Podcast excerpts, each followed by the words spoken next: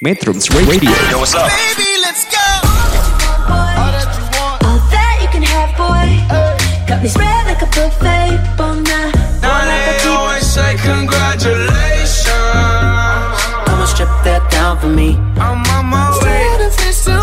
Girl, come and strip that down for me. Yeah, yeah, yeah, yeah. Metrums Radio, media terintegrasi kaum muda.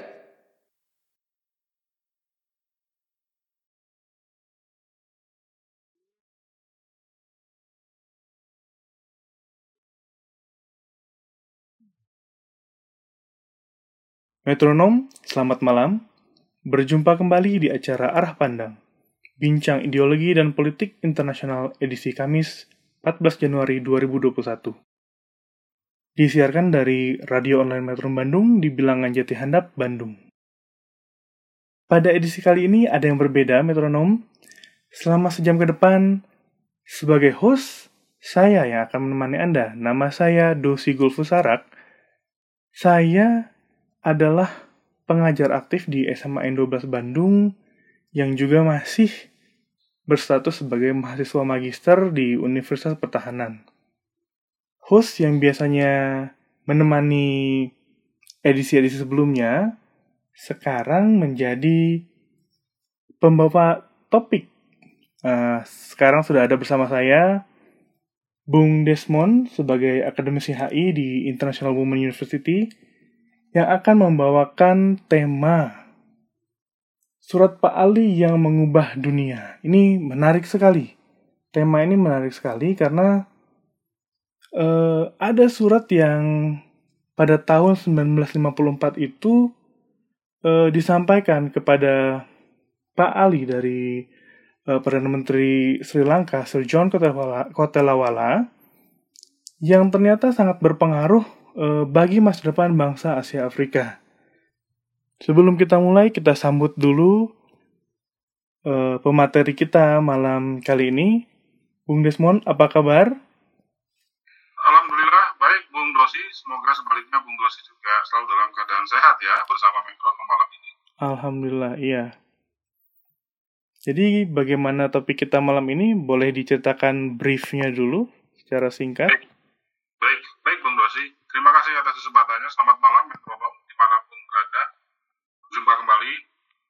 Bersama saya. Kali ini saya sebagai uh, yang membawa topik. Uh, Pak Ali, nama lengkapnya sebenarnya adalah Perdana Menteri Ali Sastro Amijoyo, tapi memang tarif disapa Pak Ali.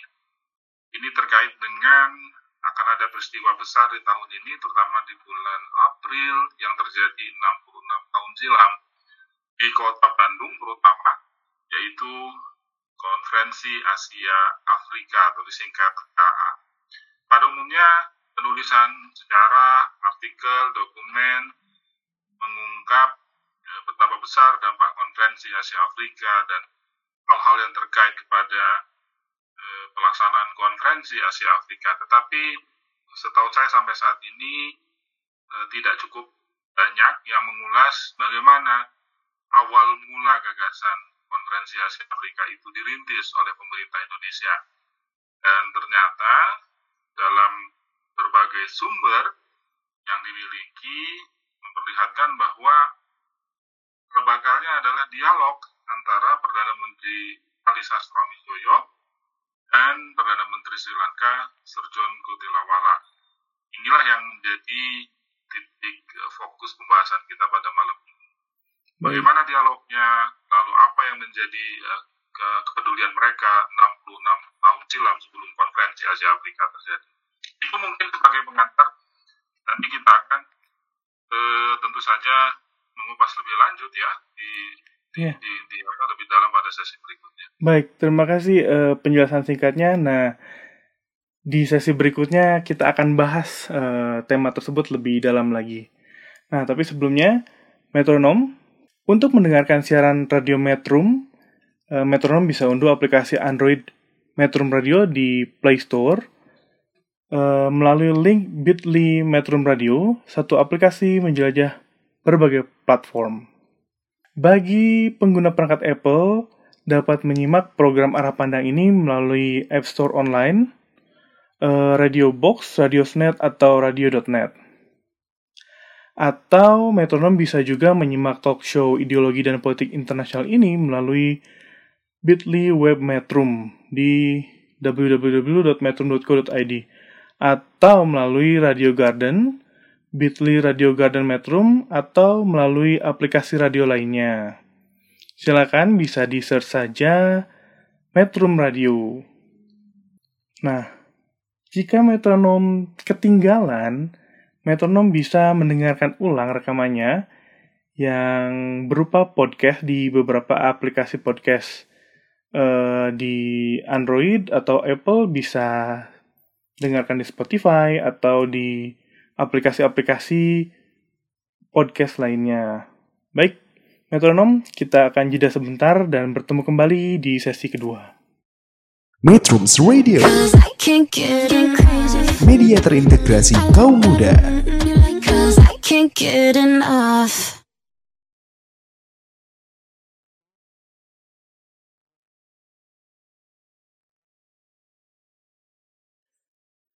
Metronom, kini kita telah tiba di sesi kedua. Pada sesi ini, eh, kita akan mengupas lebih lanjut soal surat apa sih yang mengubah dunia. Nah, surat untuk Pak Ali yang mengubah dunia ini seperti apa? Mari kita langsung saja mempersilakan pembicara kita untuk menjelaskan lebih lanjut. Jadi bagaimana Bung suratnya? Baik, baik, ya. Eh, terima kasih Bung Dosi. Metronom sekalian, eh, Sastramidjoyo sekitar bulan Desember 1953 baru menjabat sebagai Perdana Menteri kurang lebih lima bulan. Karena beliau dilantik sebagai Perdana Menteri oleh Presiden Soekarno pada saat itu pada bulan Agustus 1953. Sebelumnya Perdana Menteri Ali Sastramidjoyo bertugas sebagai Duta Besar Indonesia di eh, Amerika Serikat, Kanada, dan untuk eh, beberapa negara di kawasan Amerika Tengah dan Amerika Selatan. Kembali pada bulan Desember 1953, saat itu eh, Pak Ali, tingkatnya kita sebut selanjutnya, menerima sepucuk surat undangan. Surat itu dikirim oleh Perdana Menteri Ceylon yang sekarang kita lebih kenal sebagai Sri Lanka, eh, bernama Sir John Kotelawala. Isi surat itu intinya adalah mengundang kehadiran Perdana Menteri Indonesia Ali Sastramidjoyo agar menghadiri sebuah pertemuan informal yang nanti akan dilaksanakan di kota Colombo, ibu kota Sri Lanka, tahun depannya pada bulan April 1954. Eh, surat itu adalah komunikasi pertama Perdana Menteri Ali Sastramidjoyo dengan Perdana Menteri Sri Lanka Sir John Kotelawala. Di dalam surat itu memang dikatakan bahwa pertemuan itu bersifat pertemuan informal. Tidak ada agenda khusus yang akan dibahas. Tetapi Pak Ali eh, melihat ada sesuatu yang cukup penting.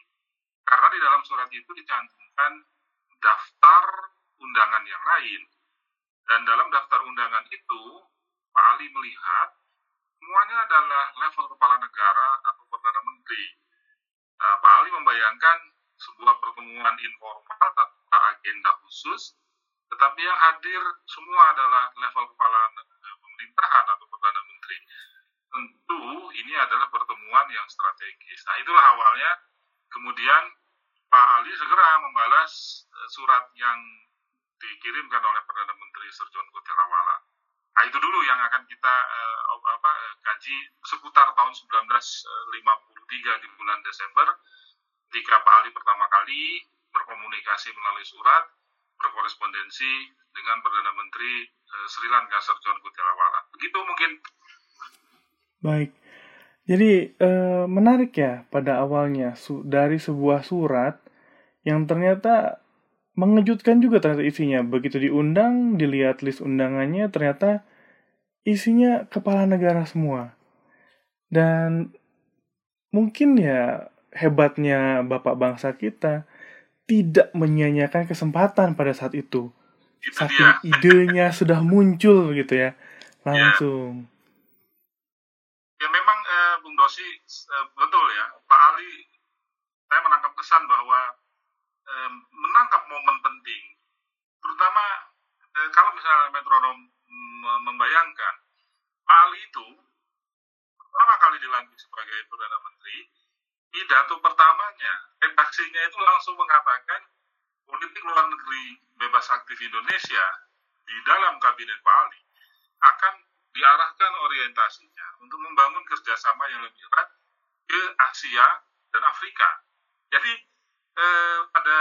Masa itu konteksnya yang harus kita pahami oleh metronom juga, memang Pak Ali sudah punya sebuah grand design pada saat dilantik menjadi perdana menteri grand design di dalam politik luar negeri Indonesia. Jadi ketika beliau menerima surat undangan dari perdana menteri Sri Lanka Sir John Kuttilawala, Nah, beliau sudah punya sebuah grand design dan tahu bagaimana me, me, apa, me, apa ya, me, memanfaatkan momen itu menjadi sesuatu yang penting nantinya.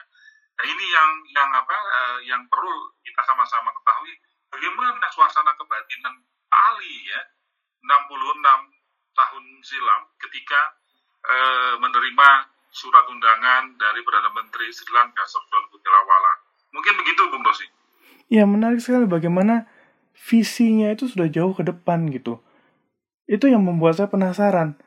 Kok bisa gitu kan kalau kata anak zaman sekarang kok bisa punya visi ke arah sana bahwa masa depan itu berada di Asia dan Afrika. Ini ini menarik sekali. Ya memang eh, betul Bung Dosi saya sepakat metronom juga eh, kalau Bung Dosi mengatakan visioner memang betul ya. Karena istilah Asia Afrika ya, kalau kita merujuk kepada situasi tahun 1950 hingga 54 boleh dikatakan bahwa pionirnya yang paling penting adalah Indonesia dalam hal ini adalah Pak Ali. Hari ini kita melihat Asia Afrika ini kan berkembang disebut dengan Asia Pasifik, ada menyebut Indo Pasifik dan dan kita tidak bisa menutup mata kalau kita mengu- apa, mengulas kembali tentang sisi visioner Pak Ali. Masa depan dunia kan hari ini di kawasan ini. Iya. Itu sudah dilihat sejak 66 tahun silam oleh Pak Ali. Itu Bung. Iya. Itu masih sampai sekarang membuat apa ya, mind blown gitu ya. Saya sering berkunjung ke Museum Konferensi Asia Afrika. Saya aktif di eh, komunitas sahabat museum dan forum studi Asia Afrika.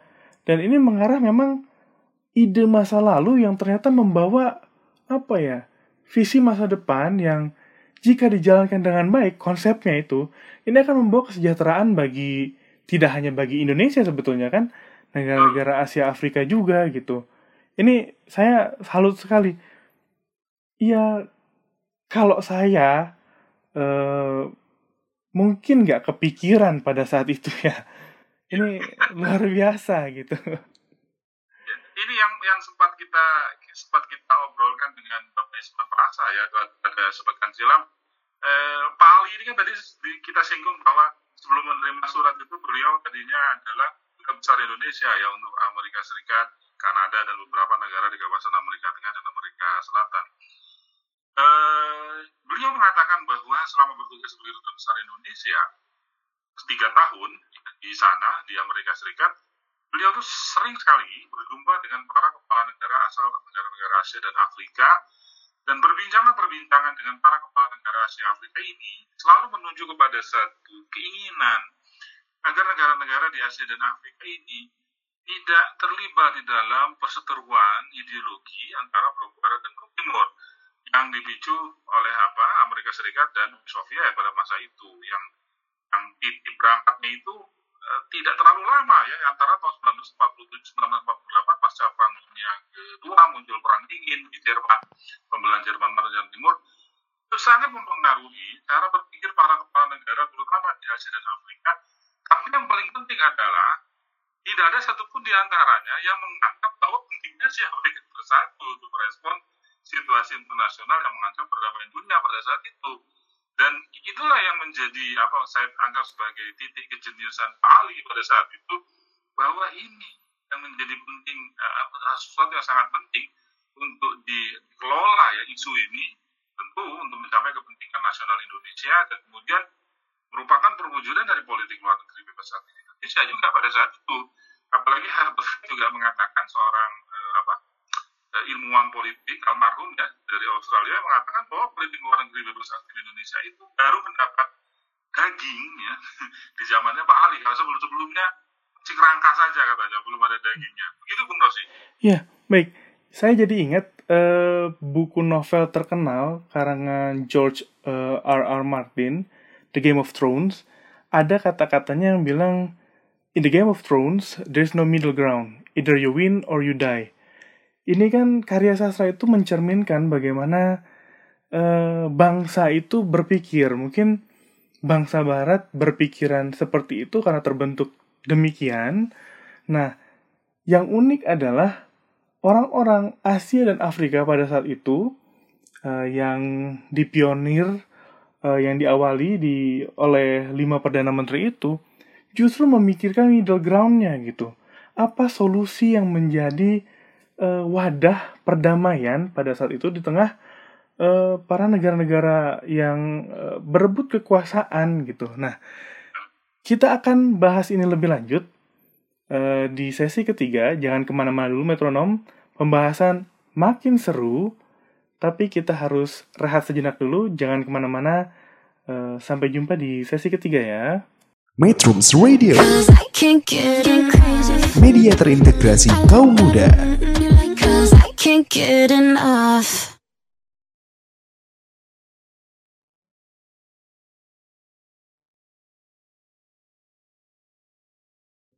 Ya, metronom, kita telah berada di sesi ketiga.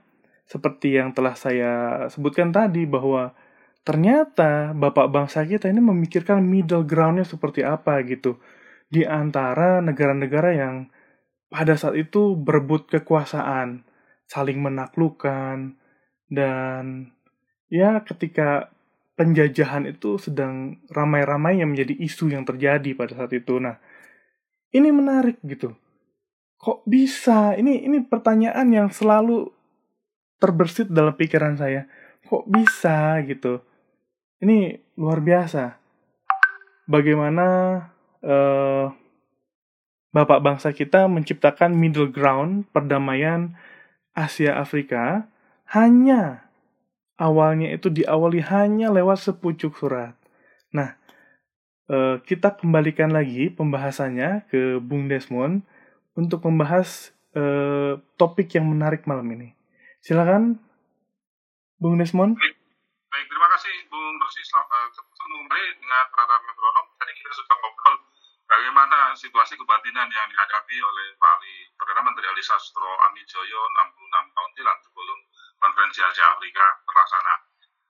Yang lain yang sebenarnya jarang terungkap adalah Bung Rosi, eh, suasana kebatinan yang dihadapi oleh Serjon Kotelawala itu harus kita eh, perhatikan. Kenapa tiba-tiba surat itu dilayangkan kepada Perdana Menteri Ali Sastro Amijoyo? Karena kalau kita lihat komposisinya pada saat itu, anggaplah inisiatornya adalah Sri Lanka. Ya.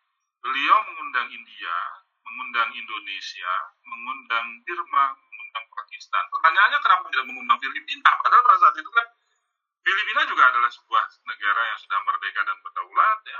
Kemudian kenapa tidak mengundang Vietnam misalnya? ya. Kemudian pada saat itu sudah merdeka Laos ya, terus oke Thailand ya. Eh, kemudian kalau Malaysia pada saat itu memang statusnya masih berada sebagai koloni Inggris. Kalau Singapura belum merdeka ya. Dan kalau kita lihat ini kan apa lima negara ini mereka eh, kita lihat posisi kenapa Indonesia diundang. Ya ini ada analisa yang menarik bahwa kalau kita perhatikan ini kita lihat situasi kebatinannya Serdan Kotelawala ya. Serdan Kotelawala ini adalah Sri Lanka yang tadinya adalah ex koloni Inggris. India adalah ex koloni Inggris ya. Myanmar atau Burma ini juga adalah ex koloni Inggris. Pakistan apalagi juga sama ya sebelum terpisah dari India juga merupakan bagian dari ex koloni Inggris. Nah, hanya satu-satunya Indonesia di antara mereka ini yang bukan ex koloni Inggris. Ya, Indonesia ex koloni Belanda ya. Nah, analisanya adalah yang pertama, eh, mengapa seorang Serjon Kutilawala mengundang Perdana Menteri Ali Sastroamijoyo yang notabene adalah kepala pemerintahan Indonesia. Kenapa Filipina tidak diundang? Kenapa Thailand tidak diundang? Kenapa Vietnam tidak diundang? Ya, kemudian kenapa Laos tidak diundang? Kayak gitu. Padahal ya komunike akhir dari pertemuan ini nanti yang dilaksanakan di kota Bolungur itu ini namanya banyak sekali yang tidak eh, ngeh ya saya saya saya sebutkan nama nama komunike akhir sebagai dokumen kesepakatan dari pertemuan informal ini bahasa Inggrisnya begini. Joint Communique of the Conference of Southeast Asia Prime Ministers. Diulangi ya. Joint Communique of the Conference of Southeast Asia Prime Ministers. Artinya mereka menyebut dirinya itu adalah para perdana menteri Asia Tenggara. Komunike bersama konferensi para perdana menteri Asia Tenggara Eh, saya yakin metronom juga eh, yang mengikuti sejarah Asia Afrika kayaknya baru dengar ini Bu Rosi ya. Iya, saya, saya juga baru itu. itu ya. Tapi kenapa Filipina nggak diundang? Kenapa Vietnam tidak diundang? Kenapa Thailand tidak diundang? Kan begitu ya. Iya. yang diundang hanya Indonesia. Ini sampai sekarang masih menjadi misteri jawabannya ya. Yang harus dilakukan penelitian yang mendalam yang mengapa tapi ada yang kedua ya. Yang kedua itu analisanya begini eh, yang di, kalau kita melihat agenda yang dibahas kemudian di dalam konferensi Kolombo nanti ketika Perdana Menteri Ali Sastro Wijoyo datang semua berbicara tentang eh, besarnya ancaman apa ya domino effect atau efek domino dari eh, komunisme di Asia Tenggara pada saat itu. Dan pada saat itu dikatakan bahwa perang kon- konflik Indo-China yang pertama antara Prancis dan eh, Viet Minh ya eh, kemudian itu dikhawatirkan akan menyeret seluruh kawasan Asia Tenggara dalam eh, apa perang proksi di, di perang dingin. Tapi kan kembali pertanyaannya adalah kenapa yang lain tidak diundang? Yang diundang hanya Indonesia. Nah, jawabannya adalah katanya eh, Indonesia adalah negara terbesar di Asia Tenggara. Jadi eh, rasanya tidak mungkin berbicara tentang keamanan di Asia Tenggara tanpa kehadiran Indonesia. Artinya jangan-jangan pada saat penyusunan undangan pertama Indonesia nggak masuk, nggak masuk siapa? India, Birma, dan Pakistan. Semua ini kan adalah ex koloni Inggris. Ya. Charles atau Ruslan Abdul Ghani yang kemudian menjadi sekretaris jenderal konferensi Asia Afrika itu mengatakan di dalam memorinya yang berjudul Dual Nation bahwa eh, gaya diplomasi mereka ini adalah gaya diplomasi anak didikan Inggris itu disebut. Nah, sementara kan Perdana Menteri Ali Sastro Joyo kan ti- tidak tidak tidak tidak datang dari kultur itu. Ini adalah sesuatu yang menarik ya, memahami suasana kebatinan yang kita prediksi dialami oleh uh, Sir John Kutilawa sebagai Perdana Menteri sekaligus inisiator yang mengundang para Perdana Menteri yang lain. Begitu Bung Rosi. Iya, tapi kalau dipikir-pikir kita eh, sedikit mungkin ada teori rational choice gitu ya. Artinya Indonesia pada saat itu terpilih bukan karena random. Wah, kira-kira siapa ya ini gitu. Siapa ya kira-kira yang kita undang? Nah, Indonesia pada saat itu dipertimbangkan berarti ya. Walaupun pada saat itu eh, kita masih apa ya bisa dikatakan eh, Papua Barat kan eh, Irian Barat masih dikuasai Belanda pada saat itu Ya. kita masih belum full pegang kontrol atas eh, negara kesatuan Republik Indonesia pada saat itu. Tapi ini menarik juga bagaimana Indonesia dipertimbangkan sebagai satu negara besar pada saat itu dan ya tidak dipilih random gitu. Enggak, wah siapa ya, siapa ya? Dia pilih. Ya saya setuju dengan penggunaan yang di apa penggunaan teori rasional choice bahwa Indonesia dipertimbangkan tidak secara random. Hadir di pertemuan informal karena apa? Filipina kok enggak? Gitu. terus Thailand kok enggak diundang? Kayak gitu. Terus padahal sudah merdeka dan berdaulat gitu ya. Terus eh, Vietnam Republik Demokratik Vietnam kok enggak? Gitu ya. Vietnam Selatan sudah ada pada saat itu Republik Vietnam State of Vietnam namanya kalau nggak salah. Nggak diundang. Laos nggak diundang. Enggak ya. Yang diundang di Asia Tenggara eh, adalah Indonesia. Dan uniknya adalah nanti ketika Asia Tenggara itu berdiri kawasan ASEAN itu India keluar. Kemudian Sri Lanka Iya. juga keluar. Pakistan keluar. Hanya Myanmar atau Birma yang tetap ada secara geografis dan organisasi di kawasan Asia Tenggara. Ini kan eh, bukan kita mencari sesuatu yang berputar-putar. Banyak yang tidak terpikir pada bagian ini menurut saya Iya, iya, iya, iya betul. Jadi ya memang karena India, Sri Lanka juga secara geografis tidak berada di kawasan wilayah Asia Tenggara gitu. Tetapi berani-berani ya pakai nama itu. Kalau istilah anak sekarang kan nggak mungkin ini ngadi-ngadi gitu. jangan mengadi-ngadi gitu ngadi-ngadi gitu. Ya, oke, pembahasan makin seru Dan seperti metronom kita harus istirahat sejenak dulu.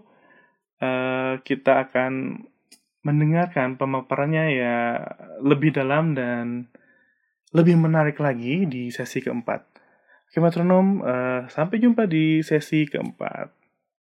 Metrums Radio, Cause I can't get enough. media terintegrasi kaum muda.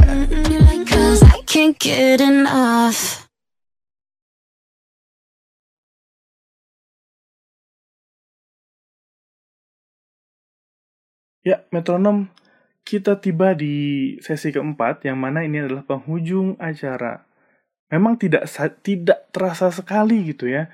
Saking serunya pembahasan kita kali ini, sesi keempat eh, bergulir begitu saja. Nah, eh, tapi tenang saja, this is not the least you can get uh, from uh, fourth session. Kita akan uh, mendengarkan lagi penjelasannya dari Bung Desmond. Silakan Bung. Baik, terima kasih Bung Rosi. Ketemu kembali dengan Metroprom. Ya, tadi sesi 2 dan 3 kita kan eh, bicara bagaimana eh, melihat situasi kebatinan yang dialami oleh dua tokoh ini. Yang pertama adalah Pak Anissa Soeharto lalu yang kedua adalah eh, Perdana Menteri Sri Lanka Sedon Kotelawala. Nah, sekarang kita lihat mengapa eh, surat Al ini mengubah dunia. Eh, tadi kan kita ingat bahwa Pak Ali menerima surat, lalu Pak Ali membaca, lalu Pak Ali melihat ini strategis ya, kemudian beliau segera membalas surat itu kepada Perdana Menteri Sri Lanka Sedon Kotelawala, saya mau hadir, tapi ada syarat kedua. ya, syarat yang pertama adalah eh, saya melihat bahwa yang hadir di situ ada India dan Pakistan. Dan pada saat itu India dan Pakistan seperti kita ketahui, kedua negara ini kan ada isu perbatasan ya, yaitu di Kashmir ya sebagai warisan dari apa ya perpisahan dulu mereka tahun 1947 antara India dan Pakistan. Nah, Perdana Menteri Ali Sastroamidjo itu mengkhawatirkan kalau isu itu tidak di apa, dibatasi, disepakati sejak awal, khawatir pertemuan informal yang nanti disebut dengan konferensi Colombo itu akan lebih banyak dikombinasi dengan isu bilateral antara Pakistan dan India gitu. Nah, Ali bilang dalam surat itu kepada Perdana Menteri eh, Sir John Kutilawala kalau bisa itu dipastikan untuk dieliminir karena akan lebih baik jika pertemuan eh, informal yang namanya konferensi Colombo itu berbicara lebih banyak kepada kepentingan bersama atau common concern karena seperti itu. Lalu yang kedua adalah eh, delegasi Indonesia akan akan sangat berkenan untuk hadir jika diberikan kesempatan ya untuk menyampaikan sebuah usulan tentang pentingnya kerjasama yang lebih erat antara kawasan Asia dan Afrika. Redaksinya memang tidak belum menyebut konferensi Asia Afrika, tetapi kurang lebih menginginkan sebuah pertemuan sejenis konferensi Colombo, tapi dengan cakupan yang lebih luas dengan tujuan untuk membantu rakyat-rakyat terjajah. Sebagian besar kan rakyat terjajah akan istilahnya bagian besar pada saat itu adalah di kawasan Afrika terutama. Nah, eh, di luar dugaan sebenarnya ya, di luar dugaan, eh, Perdana Menteri Sir John Kotilawala segera membalas di awal Januari 1954 bahwa persyaratan yang diajukan oleh Perdana Menteri Ali Sastroamidjo itu diterima, disetujui ya. Dan eh, mengharapkan segera agar Perdana Menteri Indonesia Ali Sastroamidjo dapat mempersiapkan diri untuk dapat pertemuan informal di kota yang nanti akan dilaksanakan pada bulan April tanggal 28 sampai tanggal 1 Mei ya 1954. Nah, kalau kita melihat melihat dari dari perjalanan surat pertama datang dari Surjun Kutilawala diterima oleh Perdana Menteri Ali Sastroamidjojo lalu dibalas dengan dua persyaratan lalu dibalas lagi setuju lalu Perdana Menteri Ali Sastroamidjojo membalas lagi baik kami akan bersedia menghadiri yang saya maksud bahwa surat Pak Ali yang mengubah dunia kenapa karena seorang Perdana Menteri Sri Lanka bernama Sir John Kutilawala pun akan pernah menduga bahwa konferensi Colombo itulah pertama kali yang merumuskan ya dukungan negara-negara Asia terhadap gagasan konferensi Asia Afrika. Karena apa? Karena dua persyaratan tadi itu yang diajukan oleh Perdana Menteri Ali Sastroamidjo itu disetujui oleh Sri oleh Berkelawala. Itu yang kemudian nanti kan Colombo disebut, sebagai Colombo Power atau Colombo Plan. Ke- Pertama kali gagasan KA dimasukkan di dalam dokumen itu adalah dalam komunike bersama yang tadi saya sebut itu. The joint communique of the Conference of Southeast Asia Prime Minister. Kalau nggak ada itu, nggak ada persiapan di bulan Agustus dan statement antara India, Indonesia, Indonesia dan Irma, apalagi konferensi Bogor nggak ada. Kenapa? Karena itu semua gara-gara yang dihasilkan dari commun- dari konferensi Colombo dan konferensi Colombo menghasilkan itu di butir 15 judul ada tidak mendukung agar pemerintah Indonesia segera melakukan uh, apa, penjajakan kemungkinan pelaksanaan konferensi itu belum menyebut Asia Afrika. Itu hanya ada di konferensi Colombo yang menerima syarat dari Indonesia. Itu tadi makanya disebut surat Pali yang mengubah dunia. Kenapa? Karena kagak akhirnya mengubah tatanan dunia ya menjungkir balikan kolonialisme internasional membebaskan perbudakan di seluruh dunia memberi panggung politik internasional kepada seluruh negara negara tiga kemudian eh, mendekolonisasi Afrika dan seterusnya dan seterusnya begitu Bung Rosi Wah, berarti begini. Jadi jadi gini, yang yang bisa saya tangkap adalah begini ya. Konferensi Asia Afrika yang mengubah dunia ini ternyata itu bukan sesuatu yang apa ya eh, muncul karena eh, sebuah kerandoman karena ah kita bikin aja lah kayak gini gini gini ini Eh, secara apa ya apa namanya formalitas. Tetapi gini apa yang bisa saya tangkap adalah gini. Awalnya awalnya itu adalah Indonesia yang dipertimbangkan bahwa oh ini eh, negara besar gitu. Dan ketika kesempatan datang para bapak bangsa kita tidak menyia-nyiakan itu menganalisa melihat opportunity di situ ada kesempatan dan memang terbukti ide-ide kita itu ternyata bukan ide-ide kacang gitu ya ide kacangan jadi begitu kesempatan datang dibalaslah dengan sesuatu yang memang sesuai dengan kapabilitas Indonesia pada saat itu. Jadi ekspektasi mereka itu terpenuhi tentang Indonesia. Sesuatu yang mengubah dunia ini awalnya datang dari sesuatu yang diperhitungkan. Walaupun memang kita tidak bisa mengetahui persis apa yang terjadi di dalam pikiran para pemimpin eh, dunia pada saat itu. Tetapi eh, sesuatu tersebut melahirkan sesuatu yang brilian. Gitu ya, konferensi Asia Afrika. Ini apa ya? Mind blowing sekali gitu. Sangat-sangat eh, menakjubkan gitu. Kalau kita pikir-pikir lagi itu sangat-sangat sesuatu yang besar gitu.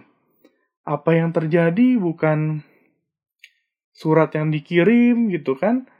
Bukan hanya karena surat sepele tapi benar-benar strategi yang dipikirkan secara matang ya dan terbukti gitu menjadi sesuatu yang dapat mengubah dunia pada saat itu bahkan eh, disebut digadang-gadang sebagai konferensi kulit berwarna pertama di dunia. Karena tidak ada lagi gitu. Bahwa eh, negara-negara Asia Afrika itu harus bersatu memperjuangkan kemerdekaan mereka pada saat itu. Wah ini ini ini gila sih kalau kalau kata saya. Luar biasa gitu. Nggak akan kepikiran. Ya memang betul Bung Rosi. Jadi eh, seperti saya katakan di awal bahwa sebagian besar perhatian penulis ya mungkin karena apa keterbatasan waktu, sumber materi atau eh, data, eh, umumnya mengulasnya lebih kepada dampak ya bagaimana pelaksanaan konferensi Asia Afrika.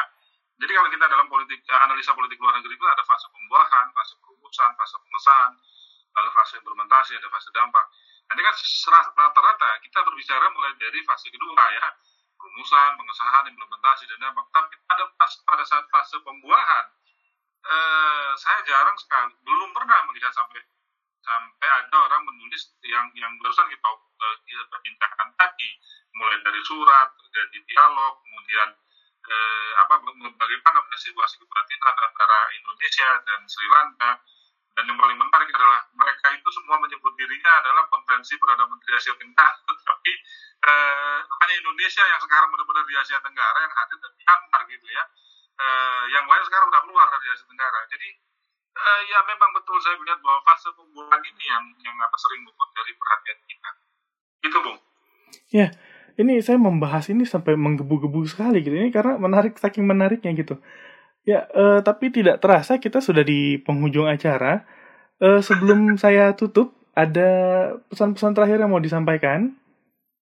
Ya, mungkin dari saya eh, sosok Perdana Menteri Ali Sastro Ami Joyo tidak bisa lepas dari karakteristik seorang pemikir dan diplomat Indonesia yang berpikir strategis dan tahu ke mana arah angin eh, berhembus untuk mengarahkan laju perahu Nusantara dalam mencapai kepentingan nasionalnya. Hal yang serupa sebenarnya sampai saat ini masih kita alami sebagai konsekuensi sebagai sebuah negara bangsa yang berada di antara dua kekuatan besar yang tengah bertarung. Itu aja dari saya. Semoga metronom menjadikan ini sebagai arah pandang baru agar tetap bijak bersikap dalam ideologi dan politik internasional tentunya. Baik, terima kasih Bung Desmond. Itulah tadi, eh, sayang sekali ini saya sedih betul ya. Demikian sesi keempat kita telah usai, artinya kita harus mengakhiri perjumpaan kita malam ini. Semoga perbincangan kita tadi tentang surat Pak Ali yang mengubah dunia ini dapat bermanfaat bagi metronom sekalian, terutama dalam menambah wawasan. Jadi, ya, perpisahan. Kami harus mengucapkan terima kasih atas kebersamaan metronom selama sejam ini. Semoga sehat selalu sampai berjumpa kembali di hari Kamis pekan depan dengan topik-topik yang tentunya menarik. Tetap stay di Metro Radio, media terintegrasi kaum muda dalam jelajah komunitas. Selamat malam. Merdeka! Merdeka. Metro Radio. All that you can have, boy. Got me spread like a buffet.